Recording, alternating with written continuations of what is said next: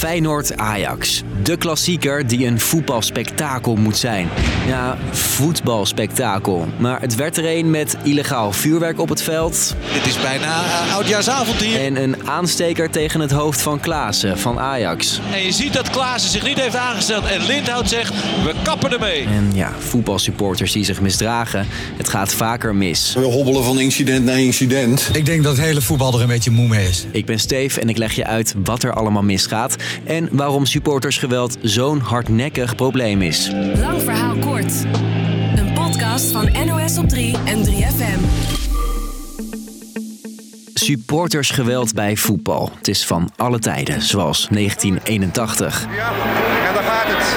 Het stadion wordt gesloopt. Maar het lijkt de laatste tijd wel veel vaker mis te gaan. Rellen voor of na de wedstrijd. Supporters die het veld oprennen. Dit is echt uh, verschrikkelijk wat we hier te zien krijgen. ME moet de relschoppers het veld afsturen. Tijdens de wedstrijd vuurwerk gooien, antisemitische, homofobe of racistische dingen roepen. En weer die uh, vervelende geluiden. En dan wordt er gezegd uh, K-zwarte, K9, K dit, K-katoen, plukken, Zwarte Piet. Denk je dat we dit anno 2019 moeten accepteren of zo? Tja, Schrijver Friso Schotanus zit zelf ook regelmatig op een voetbaltribune. Zonder aansteker of fakkel trouwens. Wel een telefoon uh, en een sleutelbos. En hij schreef een boek over voetbalgeweld. Neemt dat de laatste tijd toe of lijkt dat maar zo? De cijfers laten zien van niet. Al is er wel een opleving sinds corona. Iedereen wil laten zien hoe gek en wild hij wel niet is. Daar wordt wat gegooid. En dan gaat het dus toch weer mis. Zoals woensdag bij Feyenoord-Ajax. Bloed op het hoofd van Klaas is duidelijk zichtbaar. Het is een schande. De assistentcoach van Feyenoord moest zelfs ingrijpen. Gebruik je verstand, godverdomme! Wat gebeurt er met die mensen die zich zo misdragen? Nou, er ligt een flink pakket aan maatregelen klaar als je, ik noem maar wat, een speler verwondt. Je kunt in ieder geval rekenen op een flinke geldboete en een uh, flink stadionverbod. En met camera's in de stadions is de pakkans ook vrij hoog, zegt Friso. Dus je komt er niet zo ongestraft mee weg in principe. Een club kan een supporter dus straffen opleggen. Met bijvoorbeeld een stadionverbod. Die straf deelden de eredivisieclubs vorig seizoen 1250 keer uit. Zo'n stadionverbod kan drie maanden tot 20 jaar gelden.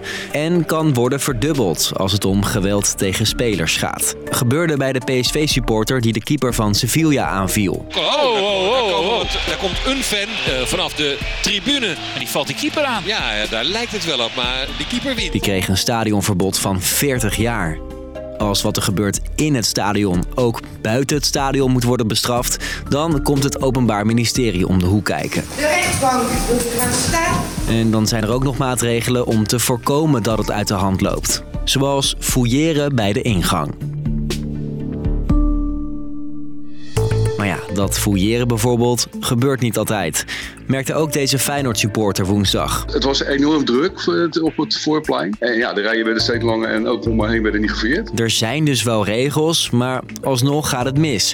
Komt door één groot probleem. Een heleboel afspraken ja, die worden of niet nagekomen of niet goed uitgevoerd. Dat zegt Jan Struis, voorzitter van de politiebond. Ook hij zag dat fouilleren misgaan. Als je ziet hoeveel vuurwerk er in het stadion terecht is gekomen... nou ja, dan kan je het vragen van, joh, uh, kon iedereen wel voldoende die uh, gefouilleerd worden? Hè? Nou, het antwoord uh, is nee. Ander voorbeeld, die PSV-supporter waar ik het net over had. Toen dit gebeurde, had hij al een stadionverbod. Toch kwam hij gewoon het stadion in. Dus, zegt Struis... Ik zou ook echt een beroep willen doen om ook te kijken met een nieuwe voetbalwet... om dan dit soort mensen die heel hardnekkig, consequent de boel verzieken... om die harder te kunnen straffen. In Engeland zijn er al strengere maatregelen. Zoals een alcoholverbod, vaste zitplaatsen en nog strengere stadionverboden. Ja, dat helpt wel, denkt Friso. Dan denken mensen wel twee keer na voordat ze met een aansteker gaan gooien. Want je wordt ook gewoon publiekelijk uh, goed uh, aan de schandpaal uh, genageld. Eigenlijk is dat ook wat je hoopt bijvoorbeeld bij Feyenoord. Dat de meerderheid ook zegt van ja, je verpest het op deze manier voor ons. Een Nederland zonder problemen rondom voetbalwedstrijden.